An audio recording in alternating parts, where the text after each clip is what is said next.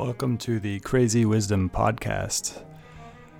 This podcast doesn't really have a specific theme.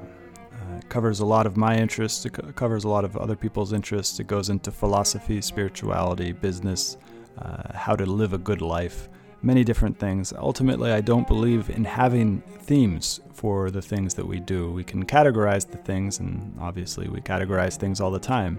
Uh, but I like to keep things open ended, a continuous process of discovering the truth as it is. Uh, and the truth is tricky because we can't really get to the truth uh, exactly because the truth is nonlinear. It is, in the words of John Vervaeke, combinatorially explosive. Uh, even the truth of this window that I'm looking at, the window itself, the glass that makes up the window is combinatorially explosive. The cup that holds your water is combinatorially explosive. You cannot model that cup totally in your head. You're only getting an image of it in with your eyes and your brain. That's not the actual cup itself. Uh, so this this show is a discovery of truth wherever it may appear by talking to people from various different fields. I've talked to artists, engineers, entrepreneurs, investors, uh, refugees. I've, I've just talking to anybody who has a glimpse into the truth. Uh, and through this conversation, through this mutual inquiry into what is true, what is real, hopefully we get to something that is helpful for to you. Now, we are in a time of crisis right now, uh, but it is in those times of crisis that we find our strength. And so, this show hopefully will help you to find the strength that is resting, that is deep inside of you, that is part of your birthright as a human being, uh, and find that strength so that you can get through these difficult times. Also, I want to let you know that I'm offering breathwork sessions uh, every day. I've got seven sessions a day. Uh, and really excited to bring this to people. People have been really enjoying it, and it has brought strength to people and courage. And, and that's my that's my goal is to help you find the courage to uh, not only survive but to thrive in the next couple years, maybe because this virus is not going away. Um, it, it, usually viruses come in waves. Uh, so this is the first wave. It will go away, and then it might come back. I'm not saying that I know for sure it will come back, but we are in this for the long haul. So this is a uh, marathon, not a sprint, uh, and I want to do everything I can to help you not only survive but to thrive. Uh, so. If you are interested in that, please find me on Twitter at Stuart Alsop III. My DMs are open. I'd love to hear about what you think about this show. Uh, also, it'd be very, very kind of you to both subscribe to the show on Spotify, Stitcher, uh, iTunes, many of the major pot plat- platforms. And if you're really feeling generous, go ahead and give a review on iTunes. So join me for the breath work. Just send me a message on Twitter at Stuart Alsop III with your email, and I'll add you to the email list where I'm sending out emails for the schedule. Uh, hopefully, see you there. Have a great day. Welcome to the Crazy Wisdom Podcast. Uh, my guest today is Enzo Cavalli, and he is an investment professional at DILA Capital here in uh, Mexico City. Uh, welcome to the show. Hi, Stuart. It's nice to be here. I mean, welcome to Mexico City. Yeah, and I'm really, I just love the city, and I think you made a huge, uh, great decision coming here. Where, uh, you're from Peru originally, yeah. right? Yeah. Um, and uh, what brought you to Mexico City? Okay, so I moved out to Mexico City almost six months ago. Uh, I used to work in Peru at an, an, investment firm which wasn't focused on startups. They actually had a it was a family office, a traditional uh, investment banking side, but we also had an asset man- management side where we had some funds, and among those funds was an angel fund in which we gathered uh, I mean funds uh, from uh, the angel investors we had in our family office, mm.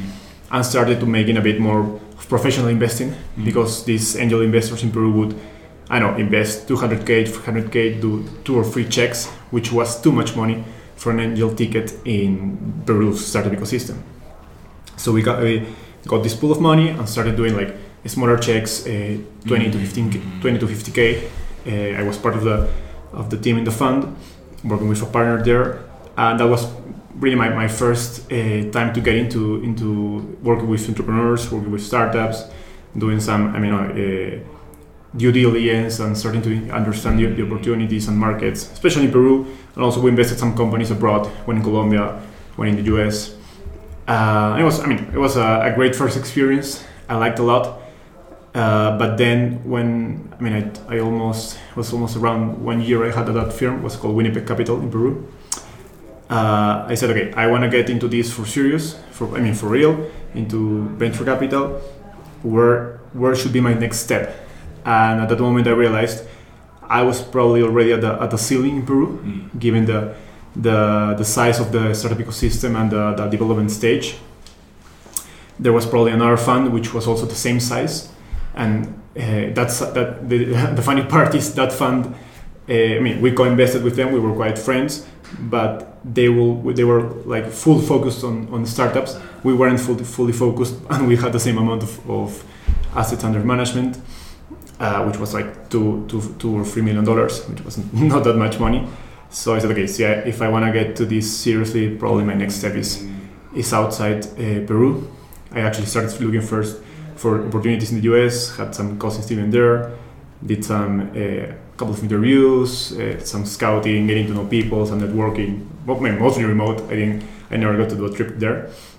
Uh, I mean, after some months, it didn't, didn't work out, and in May last year, I applied to, to and, and a couple of more funds in Latin America. It was a fund in, in Colombia, one in Argentina, one in Mexico, and I mean, uh, fortunately, yeah. the one in Mexico, uh, DILA, they accepted me, and I, I got hired in, in July, huh. and I had I moved two months ago. I mean in September uh, because of the visa process yeah. and all that stuff. But yeah, I mean it was uh, it's funny because people ask me how did you get there, and I tell them I mean I didn't know anyone. I just sent my my my curriculum through the web page. And fortunately, one of the guys at the, at the at the team who is no longer here he I know picked up my, my my curriculum from a pile of lots of curriculums, and they I mean they like my profile. It was, it was really fun because in, I applied in May, and the position was they expected it to close in January. Uh-huh. So I I sent my curriculum. I prepared a cover letter they asked for, and I, I on my email I put, okay, I think the position might be closed, but I'd like to be considered for future applications and the next day they answer me, "Hey, and so the the, the position's still open. Don't you don't you wanna uh, play?" so I went for it, and uh, so happily I'm here. That's so cool. So you have a good idea of the investment landscape in all of Latin America because you were looking at all these different mm-hmm. places. Basically. Yeah, I mean, uh, in the in the firm in Peru, we, we looked at besides Peru companies in a couple in, in Colombia, mm-hmm. also in Chile, mm-hmm. uh, because uh, we I mean today those kind of startups we could offer something more besides the money because uh, companies, if they're not going from Colombia or Chile, if they're not going to Mexico, they're probably seeing to Peru as the next market. Oh, interesting. So, that's, so that's okay, so so in terms of kind of like the, the, the the markets themselves, in terms of consumers and everything like that, it goes mm-hmm. Mexico and then Peru. No, I mean if probably, probably uh, uh, the the, be- the best the best startups, the, the ones that are growing the fastest mm. from Chile or Colombia, will go directly to Mexico because it's a beer, the biggest market. I mean, Spanish speaking, right? Got Besides it. Brazil. Yeah. But uh, there were companies in Chile or Colombia that probably were hot. They were not just as hot. I mean, they were not probably raising the, the, the biggest funds, and they would still look at, at Peru like a like a, a first step before before going to Mexico. Oh, interesting. Okay. Yeah. How many people does uh, Peru have? Hmm? How many people? 30, 33 millions. 33 million, okay. Yeah. And then Colombia has like 47 million yeah. or something like that. And that's, and that's, I mean, that's why Mexico is such a big market. It's yeah. 140 yeah, it's like people. three or four X. yeah. yeah. It's so interesting. And, and is it really necessary to focus on one country for these startups? Like, is it really like, because Rappi Rappi was started in Colombia and then they came to Mexico City, or at least the founder came to Mexico mm-hmm. City, and I imagine that was to basically, and I imagine there's some publicity like um, moving to Mexico mm-hmm. City because that's the biggest market and everything mm-hmm. like that. But is it necessary to like focus on one com- country, or can you just can you just create all your content or create all your things in Spanish. And I guess it depends on the company as well. Mm-hmm. Uh, I guess it depends on what we're talking about, whether you're selling directly to consumers or selling to businesses and the different thing. What do you think about that whole? Uh, I mean, given my experience in Peru and Mexico, I'd say it depends on which country you start okay. 1st mm-hmm. So, for example, for, for and just more in, a, in an objective perspective uh, from the funding side, if you start in Peru a company and you get to I know seed stage funding. I mean, probably imagine you raise an angel an angel a check and then probably a seed, a seed uh, round.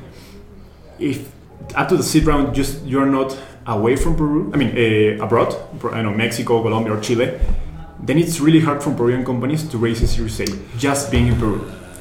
So, uh, and I probably I think that probably also applies to Chile and Colombian companies because the market itself is not that big to sustain a company that, that gets to raise a Series A. As I mean, in comparison to, Mex- to Mexico and Brazil. So what we're seeing mostly in companies from Peru, and I think that it also happens to companies in Chile and Colombia, is that probably in the seed stage they would they would Yeah. uh, probably in Colombia uh, there's there's been a change. We, Yeah. we see more companies raising Series A's e- just being in Colombia, but for Peru at least, and I, I would say also to Chile, which is a smaller country than Peru, uh, companies have to get out outside their. I mean, going from Peru to Mexico or Colombia before the Series A's because it then it would be would be would become really hard to raise that round. Which is so interesting about Mexico City because it's Mexico City. It's like there's a couple different factors in its favor. It's not only the large market, but also the close connection with the United States here. Yeah, and, absolutely. And like the the investment, it feels like the investors here are sharper Yeah. here, uh, and and so uh, it just makes a lot of sense to move to Mexico City. Absolutely, yeah. Uh, So I mean, just taking the detail that you mentioned about uh, the US, I think it's. I mean, I arrived six months ago, and I think it's. Suddenly, I arrived here. I had no idea what Mexico City felt felt like, but right now, I'm like convinced that I couldn't have come in a better time. So there's like a lots of funding from the US coming to Mexico, also from Asia, uh, and companies like I don't know Stripe, Netflix, Facebook, to even Twitch opening their headquarters for Latam or at least offices here. uh, So there's not only money, there's also talent from the US coming coming to, to Latam. And I think that's that's a good uh, dynamic building building in, in the city. Mm. It's so interesting. That's um, yeah. I've spent the last two months in Colombia, and that was mostly to get my Spanish good, so I could start doing interviews in, in Spanish, and uh, but also to check out the startup scene there as well, in, in Medellin and Bogota. And uh, yeah, just like I, I it didn't. It does, it's not as vibrant as here in Mhm. Mexico City. There's something Mhm. going on in Mexico City with the companies here. Everybody's Yeah. moving here from the rest of Latin America. Yeah. There's something really interesting going on. Eventually, probably I have to wait till next year. I'm going to go to Brazil as well. I want to start Yeah. doing um, episodes in Portuguese as well.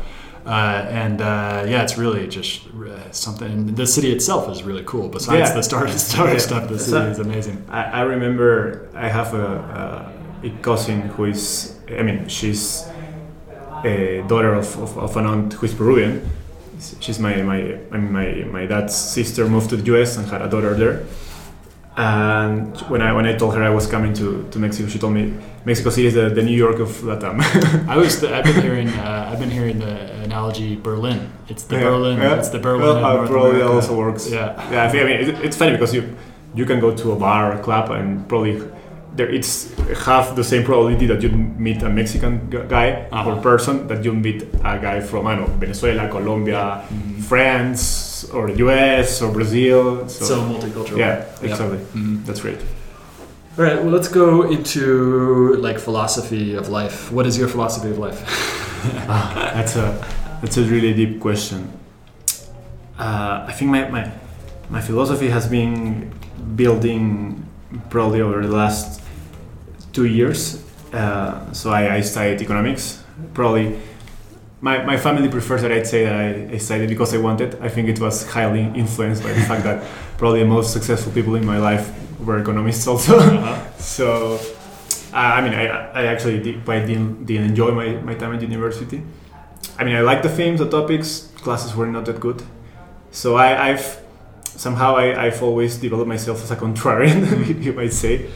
Uh, I had projects on the side besides the university. I was part of an NGO called Star School at Lima, where we worked with uh, the teachers from public schools, and it was like, like a coaching, mentoring side. And and in the end, uh, the thing, the the final objective was to make their classes better. Mm. So for me, my personal motivation is why does teaching or classes have to be boring? They don't have to that's be. A question I have too. So that, that's why like it was like like a I know like a, a vengeance or some kind of of I don't know against the the, the the the education system at that moment.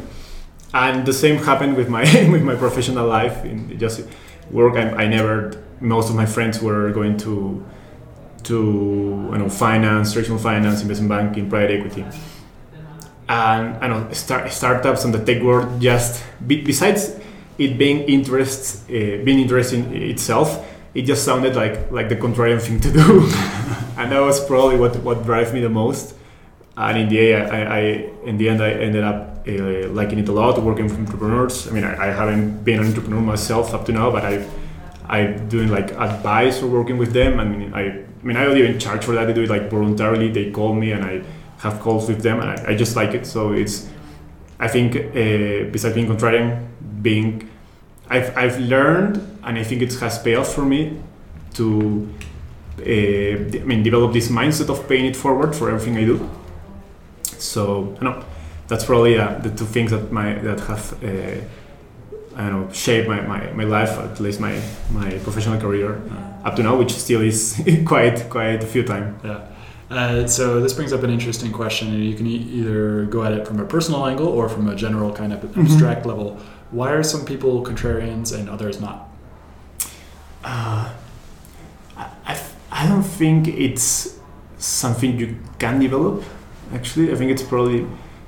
I mean, I, I really hate to say like when people ask you, "Are you an entrepreneur?" I mean, are you born an entrepreneur or you're made? Yeah.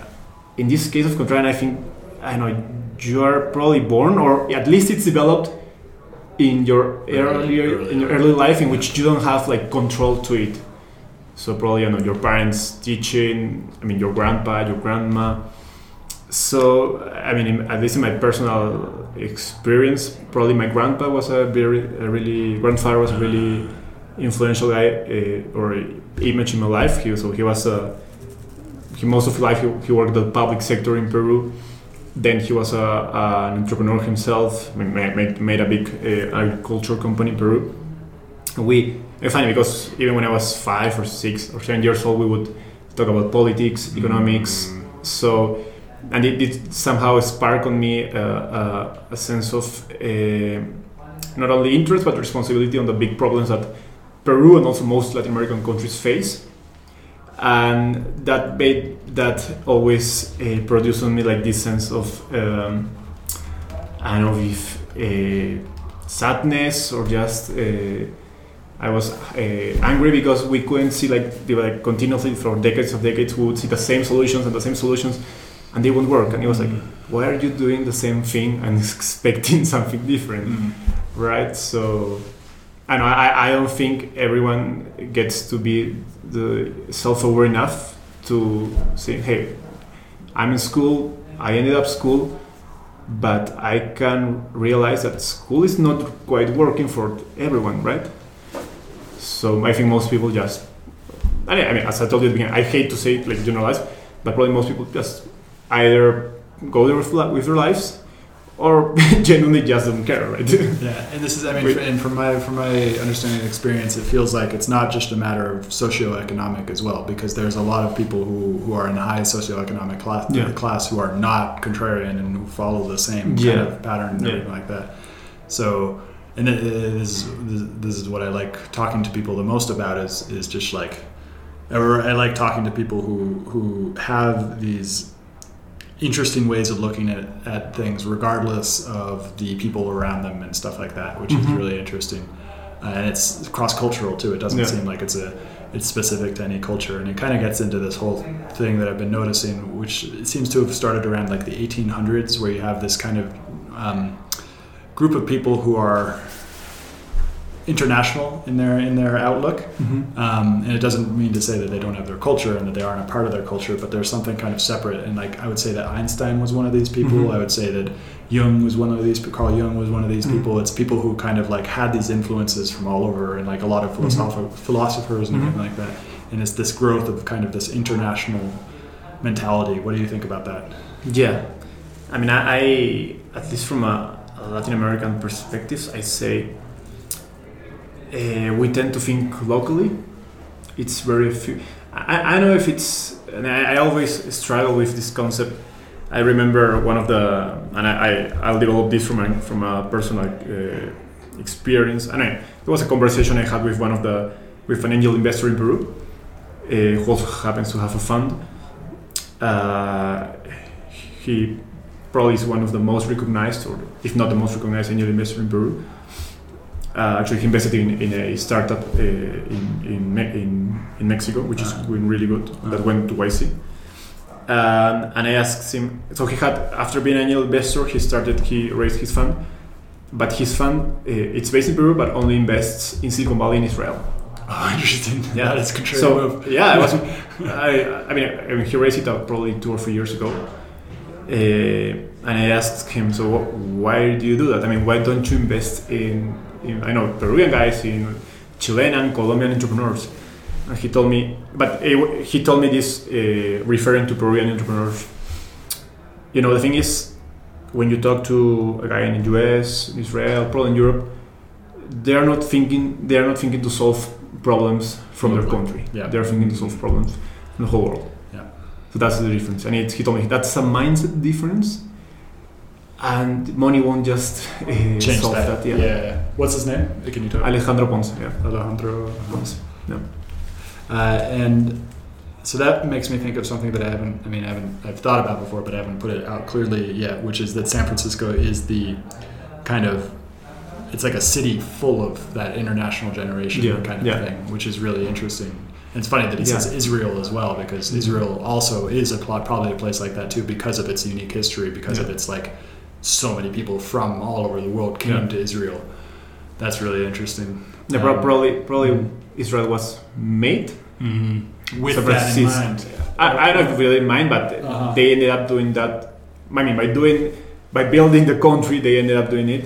Yeah. San Francisco was probably more of a random Uh, walk, organic. Yeah, organic thing. Yeah, which is really interesting. I'd love to explore that as well. As uh, that's kind of like a uh, just throwing this out there is, is that in San Francisco, I wonder why it is like that in San Francisco. Why why it in specific became this kind of international thinking hub. Like people there just kind of think differently. I think it has a lot to do with the hippies. Um, I think it has a lot to do with the ni- 1960s because I, I see two different trends. I see one trend which was the um, uh, the kind of governmental military investment into the technology Okay, industry in, in Silicon I've, Valley. heard, I've read about that. Yeah. Yeah, and then I see another trend which is not so different as most people think, which is that 1960s, 1970s, that became the place where all the people who were thinking differently also came, and then they both mixed Oh. together, uh, and then they both did a lot of acid. I Uh, did, did know, did know about it, that, Yeah. the other side. yeah. Uh, so Stu- Stewart Brand is a really interesting person to uh, uh, talk with. I want to interview him one day, um, but uh, and he's, he's getting older. But he um,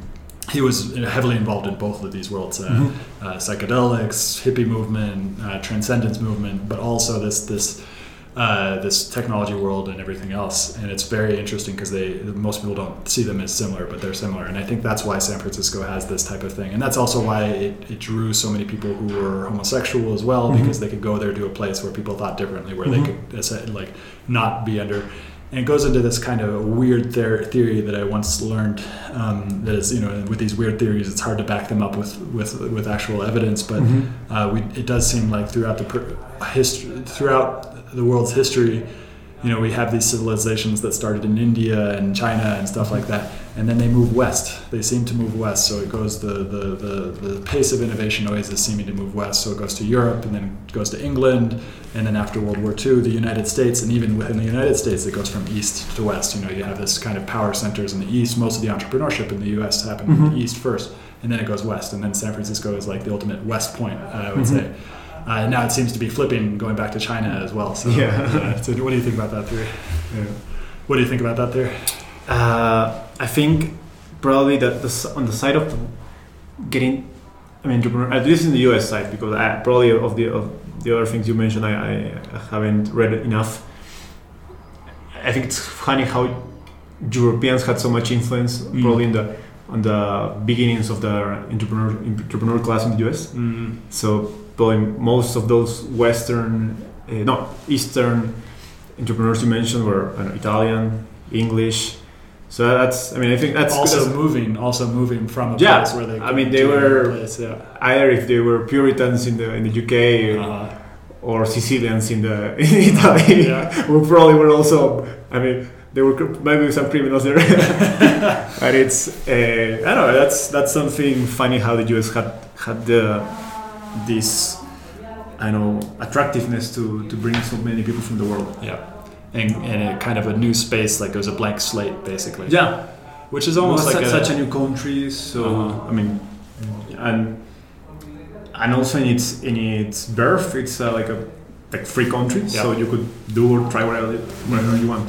And, and this blank slate kind of thing also extends to the internet, or what the internet has traditionally been. It has been a kind of a blank slate where people could, Mhm. uh, although now there's starting to be kind of more, there's very much starting to be power centers Yeah, that are uh-huh. starting to establish their, their control and everything like that. And it's not so much, but then we'll have new new forms of. It seems like blockchain in that Mhm. that area is creating new new forms of uh, of, of freedom of expression that are not uh, uh, so controlled.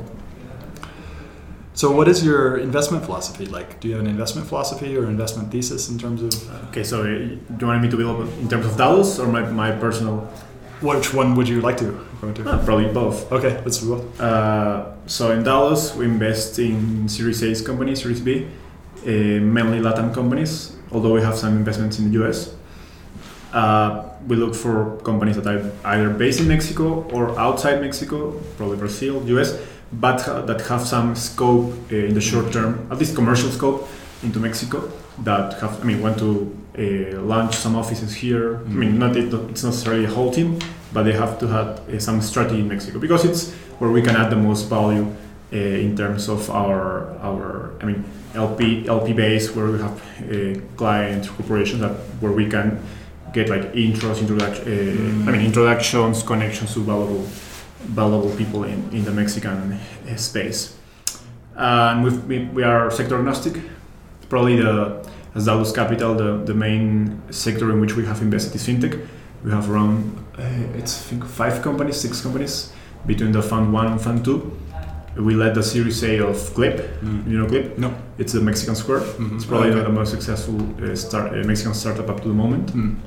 they just raised from SoftBank last year and yeah I mean we have also fintech in an Argentinian company many many more fintechs in many spaces actually Uh, so it's funny because when a, when a fintech company comes to us, there's like only a few spaces in which we could look uh-huh. because otherwise there could be be competitive. yeah, like yeah. uh, conflicts of interest. Uh-huh. And then we are we have a couple of companies in AI in the US actually, uh, some SaaS companies, marketplaces, many consumer-facing companies, and and actually lately we've we started looking into climate uh, innovation Uh, uh, sector. Uh-huh. We have a company there called uh, Energreen, Uh-huh. which it, it's funny. It's they have a model called hot water as a service. so it's basically uh, solar hardware, Uh-huh. uh, and they, I mean they, you can get like hot water. I mean, whi- which market they have they have uh, had good like market fit. It's in hotels in in, in touristic places In of, countries. of Mexico, Uh-huh. but but they're really out, uh, like uh, Yeah. far away, and Yeah, they yeah, couldn't get like normal normal uh, electricity uh, electricity services. Uh, very interesting. Yeah. And on the personal side, I've done a couple of investments as an angel. Uh, one in a Colombian company called uh, Rebus or Ribas, you could say in English. Uh, actually, I think they have they have uh, clients in the US. Mm. Um, it's from Juliana Villalba, a, a Colombian entrepreneur. Uh-huh. They basically do a it's a, an AI engine to produce uh, like additional revenue in events. So you you go to an event Oh, very and you just don't only i mean if you are the event organizer you won't only earn money from the ticket Uh-huh. but uh, if you have rebus on your app or the, the web you're using to to i mean Organize organize the Yeah. event or have the, the administrative part or consumer facing part then rebus will have this engine that that with with the data of the end user it starts getting like leads okay so you are in an entrepreneurship event you probably want to buy this book Mm. and if the, the recommendation converts in- into sale, they will they will earn a commission. How does that. the recommendation come through? Does it come through email or something like that? no through the through the app? So usually you'll go to an event and you Uh-huh. have an app. Uh, I know they, they I mean they don't have they have an app themselves, but they can also integrate to, to other To apps. other apps. Uh-huh. Yeah. So you should have this, this app where you register into the event and you can make like networking, your your scale. So they they will be integrated into that app. Uh, got it. And then the app will surface advertisements for specific things tailored Yeah. the And if they convert, they'll Mhm. earn. Yeah. Interesting. And I have also invested in a Peruvian company Uh-huh. called Talently. Okay. So it's uh, it's quite similar to Lambda School. Uh-huh. You heard them? Yep. Yeah, they're they're they are doing ISAs. Uh, they are training the uh, they're not. I mean, uh, in comparison to Lambda, they're not working to people to, that don't have any any uh, software Mm. development skills. They are focusing on people who have, have some level, but in which they, I mean, after a selection process, they found they have like high potential. They will train them, train them, and then they will place them in, in mostly remote companies. Mm. So probably Mm. companies in the US that want to hire a, Per- a guy in Peru or Colombia or Chile. Mm. And so that for that guy getting hired in those companies is like a 2x or 3x increase in their salary. Mm. Yeah. Uh, I'm glad that you guys are coming to the event tonight because I, I think the Talently people. Ah, Domenica. Uh, yeah, Well, yeah, yeah, So Domenica Bando is the, is the, the founder from, from Talently. Uh-huh. Actually, she's, she's, she's a friend of mine from university. Uh, And she moved to Mexico after being uh, accepted by 500 startups at Okay. Latam. Yeah, So yeah, I invested them in them like probably three or four months ago. very cool. Yeah, it's good just coming to the event there because the it's being hosted by somebody who they could have a very good conversation about that. Oh, great. They're both in not in competitive places, but they're uh, probably would have a very fruitful conversation. That's great. Yeah. So yeah, I mean, probably the, the Domenica for me was the the first uh, like full full founder investment Uh, because. I mentioned I, earlier I worked I was a volunteer at an NGO, Mm. so she was a founder of that NGO. Oh, interesting. So I had I mean I started as a volunteer, but she was the, like the president of the NGO. Uh-huh. or the director, and then I, I, I mean, I started like keep going up in the NGO, and I ended up being like the fundraising director. Interesting. And I would work with her, and, I, and she was really a really skillful person. Mm. Uh, I mean, at least for me, what what was uh, really amazing about her that she could uh, bring people into into her projects. Uh, So she had this this really high ability of convincing other other people. yeah, Yeah, so I started working with, with her from the start of her startup. and had a long And, period. and after a long period, I decided, okay, I, want- I mean, I, I probably at the beginning I told her I want to invest in you, but she told me, okay, not not so not so yet. So, and uh, after a few months, yeah, she has, she accepted it, and, uh, and it's it, uh, they're they're doing pretty pretty well, and I'm happy. I I I, I mean, I joined them. I'm going to the investment thesis part. So, personally, I like. Uh, technical companies in the US, in, in Latin America. Sorry, I invest only in Latin America. Uh, for example, Domenica and Juliana, although they, they are not technical founders, they have this high ability of working with with tech uh, teams. So Domenica had like a few years. She, I think she uh, was part of a Google project in in, in her university in Peru. Then she worked at a couple of, of corporations in which she was in charge of, of in charge of digital projects. So she had this high uh, understanding of how uh, software developers work, Mm. how to work with them. So, I, and I think that's that's a at least an ability or a skill that I value a lot in, in founders, in the founders that I met. Not, I mean, you don't have to be a technical founder to, to be successful. mhm. Uh, especially if in Latin America, it's, if you see like the most successful companies, it will be rare if you found technical founders. Mm. It's probably different in that sense to the To to, US. to the US. Well, particularly in Silicon Valley, because there's been a swing to. I don't think it was as important in the U.S. and then Silicon Valley, like 30 years ago, 20 years Yeah, ago, for the founders to be technical. But now there is a very. I mean, you, you have Yeah. there's uh, some venture funds that have like like explicitly in their in the yeah. investment thesis were focused on technical founders. yeah, a lot of them. yeah. Probably in the in the in the late years, it's changed a bit Uh-huh. because I think technical risk is has gone down Mm. because you have many like no-code Oh, tools, so there are lots of outsourcing possibilities. So market risk is probably higher, and also having a having a, a more commercial founder has its its its good side. Yeah. So I think it's just balanced a bit probably. Yeah. That's my I don't know. I I mean I I, ha- I don't haven't been in San Francisco for a lo- long time Uh-huh. since I was really young, so I, I don't have like an insider, but that, that's my my outside uh, Impression. impression. Yeah. And yeah, as I told you, in Latin America, it's probably the whole way, the whole way around. Mm-hmm. So most most founders of successful companies have more commercial background probably or operational background. Yeah. Uh, but as I told you, I mean, I like founders that have this high technical understanding Uh-huh. uh, or the capacity to work with them. And uh, there's probably a couple of sectors that I like a lot. One is AI, Mm. as I told you, Rebus, to say, and the other one is education. Mm. And it's connected to the thing that I told you at the beginning that I had this really, I don't know, sense that I didn't enjoy school and it didn't have to be like that. Yeah. So that's like my. Mm. I mean, most people say you, you shouldn't invest in the in the problems that you have, Yeah. but I but I have also heard other investors say that you should make like build this list of the problems that you think are in the world and you think somehow will change, Yeah. and you should go towards that pro- the, that problems. And I think education in, in Latin America is still a, a really green uh, space. I mean, Yeah. there, there hasn't been that much tech companies. Aside, I mean, having in the other in the other side, you have fintech. where There's like lots of fintech, or probably hundreds, being founded each year. Mm. Yeah. And education seems so core, and I want to go back to that. But I have one thing you talked about uh, made me think about something which is kind of similar to this international globalist outlook as well, which is the investment outlook and investment knowledge. Because you said something about basically uh, U.S. companies coming to DILA Capital for, for capital, which is really Mhm. interesting. Because ha- I'd love to hear stories of how the U.S. company found out about you, found out about DILA Capital. Uh, but then it is a kind of a higher level question as well as just the international movement of capital. You also mentioned SoftBank, and SoftBank is from J- Japan, but Mhm. then investing all over the world, and it's Mhm. like it's so interesting this this this network of people, and just like the way investment works, it has to be done through other people. It has to be done through relationships, and it's just so interesting. And then there's this other aspect of it, which I've noticed in San Francisco, which is that uh, San Francisco there's a motivation because it's happened over and over and over again that these founders have come from nowhere uh, and they are very eccentric and people like think that there's no way that this person is Yeah. going to succeed but then all of a sudden they succeed wildly so like the group the collective in san francisco has learned over time okay so anybody can it can happen Yeah. from anywhere so we're going to just kind of be nice to everyone Yeah. uh, so And that, we don't burn the bridges That thing is a lesson we still haven't learned in here America. Yeah. ah yeah interesting yeah. That's I, fun. I remember once hearing a, a small video from Michael Seibel, the, Ah. the YC, I think it's CEO or president, I'm not sure.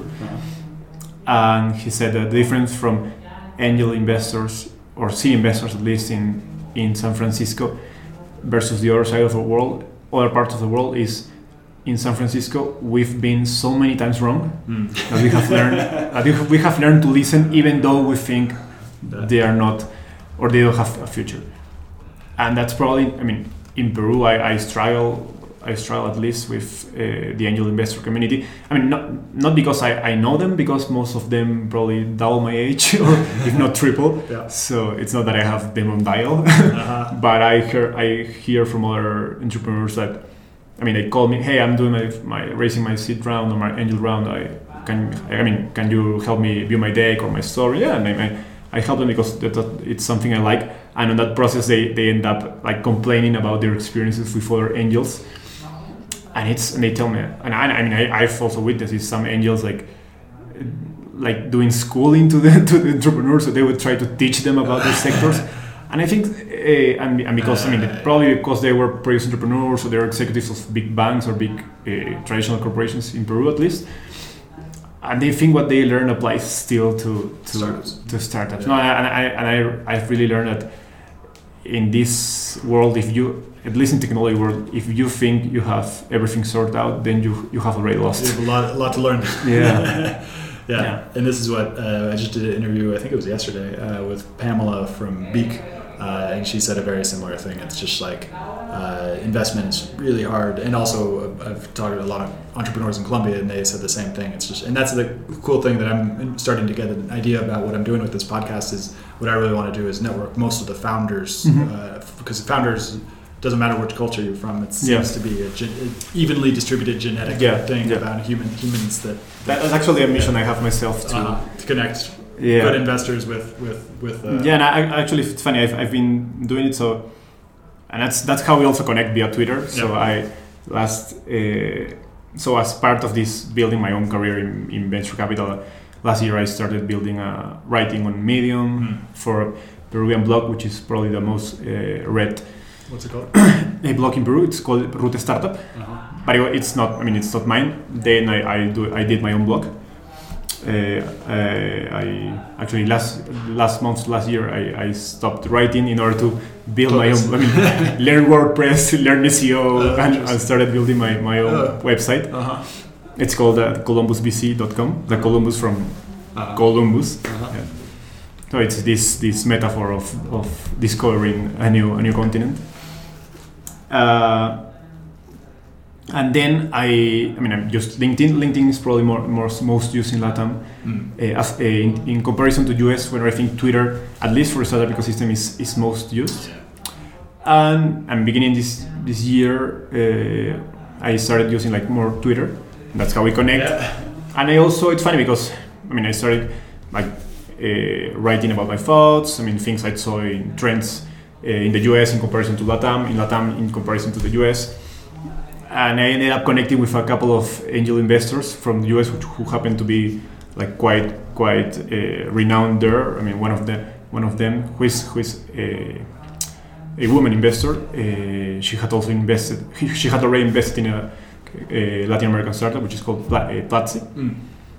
And I mean, we, we ended up like talking a few a few tweets, uh, and I told her, hey, I, I think I, I can I could connect you with some interesting entrepreneurs in, in Latam, and she was open to it. And she told me, okay, so if they fit my thesis and it's this, be, be sure to, to DM me, and I and I more than like to connect with them. So yeah, that's something I I I do. I mean, I I don't charge a thing. I just enjoy doing it. Yeah. And I, and I think it's, uh, as I told you, it's been two two uh, angel investors from the US. Uh, and I think it's probably they are VCs, but they also do angel investing. Uh-huh.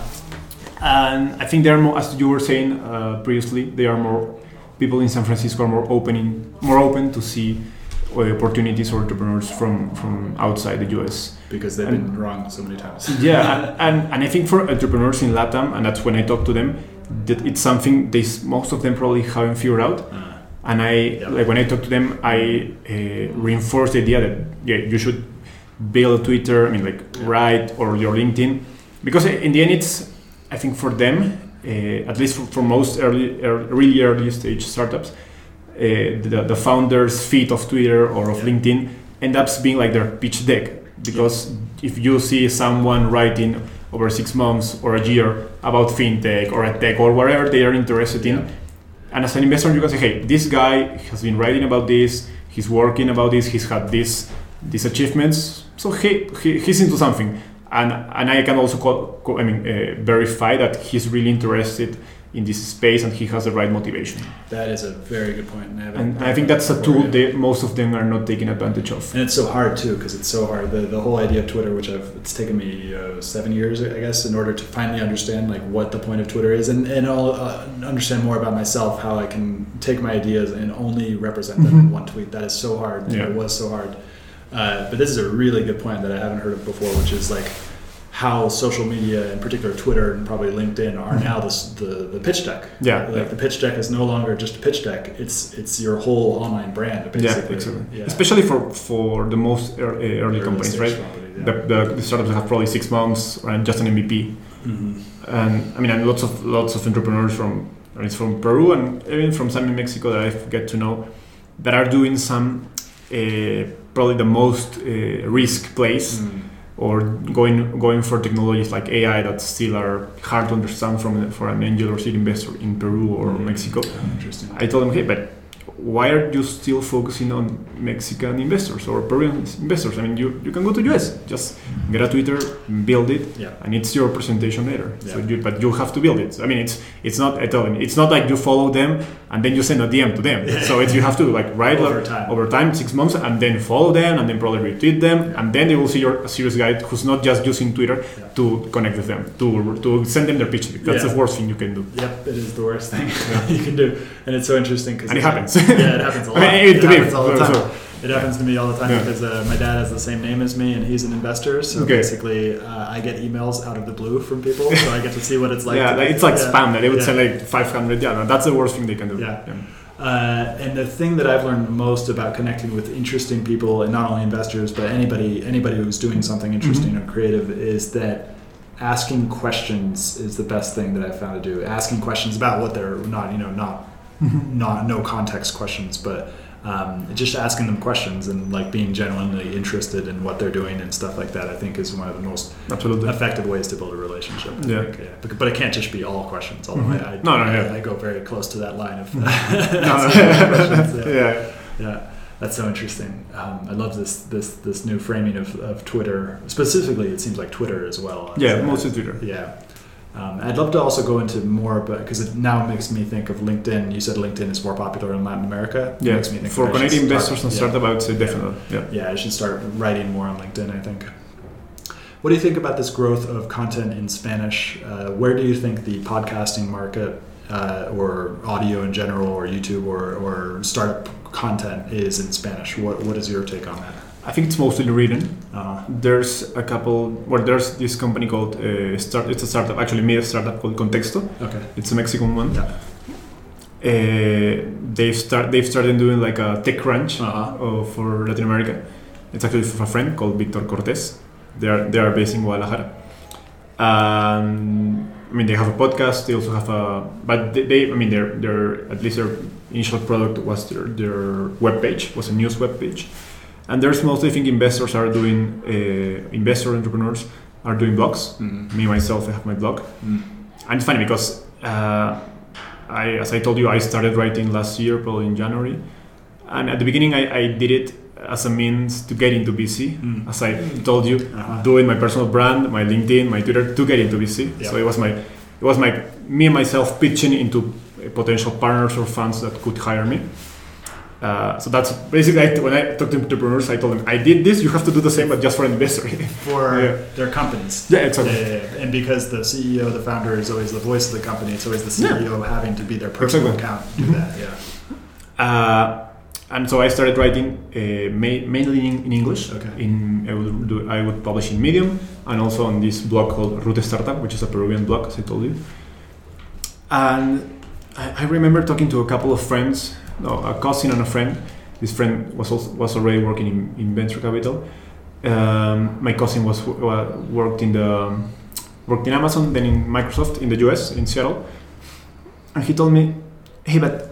Uh, why are you writing about startups and, and venture capital? Uh, I mean, in English. I mean, it's. I don't know. And I, and I, I even wrote a couple of articles in, in Spanish, and they told me, I mean, like, everything is written already. Yeah, in English. Yeah. In English, everything is written. Yeah. I mean, if, if entrepreneur is good, he will just Google anything. And I mean, why would they uh, read Enzo when they can read, I know, Jason Calacanis or Ben Horowitz, I know, or whoever else, or and or Mark Suster, I know. And and at the beginning, I, I, I sort of believed them. And after getting my job in VC, I sort of slowed down my, my content production or my, my writing. And then I, I mean, I started writing again. But yeah, and when and when I started uh, thinking about the possibility of not writing in Medium and on the other person blog, but doing building my own website, as I told you, my own blog, I sort of, as I told you, started uh, learning about uh, WordPress, Mm. SEO, and it's funny because when I got into SEO and I started using the platforms Google has to view data about traffic, and on Google Search Console, Analytics, uh, Ubersuggest, and other tools, I found out. I mean, I learned first that first in the first place, uh, Google prioritizes uh, local local results, interesting. and also that when I search for the term or a keyword, venture capital, or startups, or angel investor, or seed investor, or inversionista ángel in Spanish, people would find results. I mean, peop- there was thousands of people in Mexico and in Peru and in Chile and in Colombia looking for those words in Google already. And what you would find in the first page, web page, was web pages from, I mean, like generalist, gen- generalist uh, uh, blogs about uh, economics or finance, Uh, and there was There- really in the first page there was no not one insider yeah. or VC or entrepreneur So talking about the, the things so it wasn't Mark Suster, it wasn't Jason Calacanis. No, it no, was, no, It was just like no. random economic pages in Spanish. in Spanish. Okay. but it would be I don't know, probably Economipedia, which is a really good uh, sort of Wikipedia-like page for economics. But those guys talk about any eco- economic topic, so it's like for a guy who wants to learn just like from the surface, I think. But if you really want to understand venture capital, there's nothing in Spanish, Mhm. Or, or not, or not really good uh, contents or articles. Oh, interesting. And I say, here's an opportunity. Yeah. So that's when I, I remember what my cousin and my friend told me. Like, "That- that's bullshit. What they, what they were saying to me. Interesting. So I said that, that the data says there's people looking for that, and that's when I like went full into my blog and I started In writing Spanish. in Spanish. Okay. And I, I, I mean, I started working on my blog, personal blog, like building the website August, September last year. I published it on December. Uh, I still haven't made it like public. I haven't told like, many people, but I have already like some hun- some hundred, hundred or uh, probably uh, dozens of traffic a month. Uh-huh. People, uh, no, a week of people going in in there. And is it in? and I'm, as I told you, I'm writing mainly in, Spa- in Spanish, and even and, and I actually started from the main, like the most basic concepts, because not all not entrepreneurs understand what's venture capital, how a VC firm works, what's the difference between a firm and a fund. Uh, so I think there's a lot to, to be to be written and, and talked in, in Spanish. Damn, that's still, giving me a lot of ideas because I want to share my own story because I, I started a company maybe seven years ago Mhm. and uh, and starting this company I got back to San Francisco. I actually started it in Brazil and then I got back to San Francisco to raise money. And I mm-hmm. didn't know anything about raising money even though my mm-hmm. dad was an investor. I Mhm. never talked to him about that stuff when I was younger. And, and, and so I was like I, was, I had to learn all about all this stuff. And where did I learn it? I learned it from Naval Ravikant who had mm-hmm. I know a bunch Yeah, of yeah, English yeah, you know, good. Yeah. and he had put all the content, all the tricks, all the things he had put out in English, the things you weren't supposed to share. And I was just like so grateful for that. And then fast forward five years, I was actually in Mexico City two years ago, uh, and I was never listened to a podcast before in my life. And then I started listening to, uh, I saw t- uh, Naval post a podcast uh, with him in Farnham Street. And I, I, you know, I was just like, all right, I'm just gonna listen to this. And so I started listening to it, and there he was, this guy who had taught me so much about venture capital was talking about deep spiritual principles Yeah, and yeah, he's- meditation. and he's- he's really deep. Yeah. And I was like, oh wait, oh this is interesting. So that's actually how I started this podcast. Oh, that's I, funny. Yeah, was I wanted uh, he, he was my goal, and uh, Yeah. to actually like in, uh, interview him about his meditation practice and about uh, all the other founders' meditation practices. So that's great. actually how I started this one. Um, but yeah, it's really that's that's how I that's how, as a founder that's how I learned about raising money, and that was you Mhm. know seven years ago, and so now it's like now I've, uh, now it gave me the base, and now I can understand these more Mhm. more. Uh, and the same thing can happen in Spanish, I think, which is really cool. Yeah. And I feel like in my Spanish episodes now, what I want to do, and maybe you can help me out with this, is start doing these conversations in Spanish about Sure. the basics of how to raise money. Absolutely. Yeah. Yeah. I mean, I think it's it's. I mean, you, you would go to meetups, conferences here in Mexico, and you would hear that, but there's not many people. Uh, I think that there's people talking about. Uh, I mean, like VCs uh, Uh-huh. writing, but it's probably a, a little bit more advanced for companies in Series A Yeah. or seed going from. Series A. Yeah. But I think, I mean, I, I have uh, even uh, I one of actually my last article is how to think about a startup idea. Mm. Interesting. Yeah. It's really basic yeah. and I, I, I, I basically what I do for most of my articles is I do some like uh, general research uh, like in Google. I will also add my like my personal experiences, and I, I but what I think I like the most is taking. I, I, I listen to a lot of podcasts in English like uh, Erik Torenberg's uh, Venture Stories, uh, Harry Stebbings' uh, 20 Minute VC, and a couple more. And I always like so I after after when I listen to a podcast, I would get my my actually my Evernote and I would write the things that get into me the most. And I would draw from those from all those notes. I have like a lot of notes from all Uh, those and you would write it in Spanish. in Spanish. yeah, Yeah, that's a good idea. and I would yeah. I mean, like I would tropicalize those those Ah. ideas and apply them to Peru, to Colombia, to, to Latin American startups, and do it more like so people can I mean can read them and feel them more near to them, more Yeah. local, more regional. So it's fin- funny because if you get to I mean learn about VC and you will read venture deals, probably most examples you'll read are from the US. Mm. Yep. So why can't I mean? I, I think it's uh, it's really I know if it's it's probably like too forced, Uh, but I'd say people like to to learn with examples that are closer to them. So if you could use a VC example, I know talking about Rappi, it probably feels much more closer to them because they see Rappi. I mean, in the every day, streets yeah, every yeah, exactly. Yeah. So and they also saw Rappi how Rappi grew so fast. Yeah. And Rappi had, I mean, two motorcycles in the street, and then suddenly had hundreds. And I didn't get it. I didn't understand it until Exact- I went to Colombia. yeah, and I was but if I yeah. Told, tell, I mean, uh, told you about VC, and I told you about, uh, I don't know which company, uh, Twitch, for Uh-huh. example. The, it really feels far away. Yeah, interesting. I mean, even gaming is not a thing in Latin America, so Mm. I think there people, there's people who would like to read with examples that feel more more home to them. And personalized. Yeah. Well, thank you so much for coming on the show. How can my listeners find out more about you and what you're working on? Uh, okay, so I have my, my blog, as I told as I told you at the beginning. It's Da Columbus VC. It's T H E C O L U M B U S V C dot com. It's a uh, a bit of a, a rare name, but I, I, like this metaphor about Columbus. You know, Columbus, the guy who discovered Latin America, Uh, so it, for me, it's like my personal story of discovering the Latin American startup ecosystem. So my personal, my personal, I'd say journey or trip doing, Mhm. doing it. Very cool. Um, on Twitter, too, I'm? Enzo Cavalie, just my, like my name.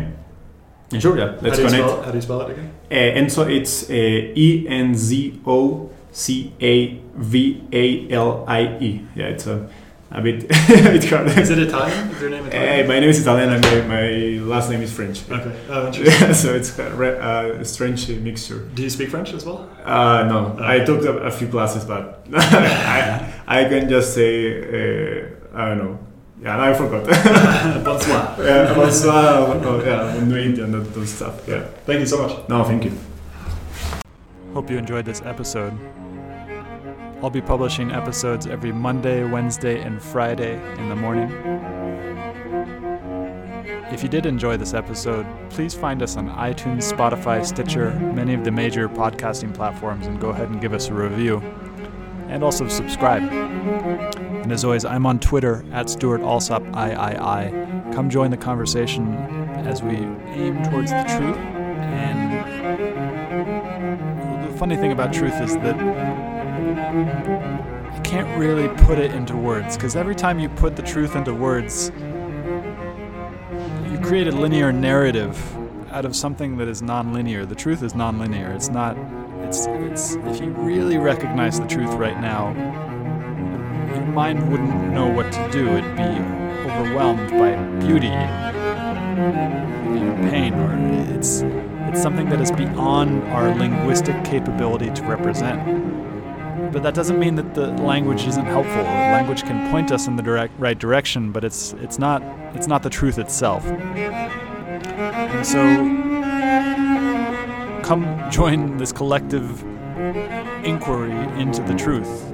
Find me on Twitter at Stewart Alsop III. Uh, subscribe to the podcast. Share the podcast with your friends. Uh, most people don't have the ability to let go of this linguistic understanding of the way that the world works and just aim for the truth regardless of what the language tells us. Uh, and so I think what I'm doing with this the show is is necessary for us because as we enter this stage of uncertainty uh, and we are most definitely entering an age of uncertainty. And as we do, it's really, really important that we stop paying attention to what the mind is telling us. Doesn't mean to say that the mind doesn't have its place. The mind obviously has its place, but it's just one of the senses. It's just one of the tools that we can use. We can use the mind, we can use the feelings, we can use our actual senses. Uh, we can check our intuition with other people because sometimes the intuition tells us the wrong thing as well. Sometimes the intuition is wrong. So it, we can't we can't rely on any one tool to get us there. So come join the show. Find us on iTunes. Find us on Twitter at Stewart Alsop III. Uh, and come join the, this inquiry for truth.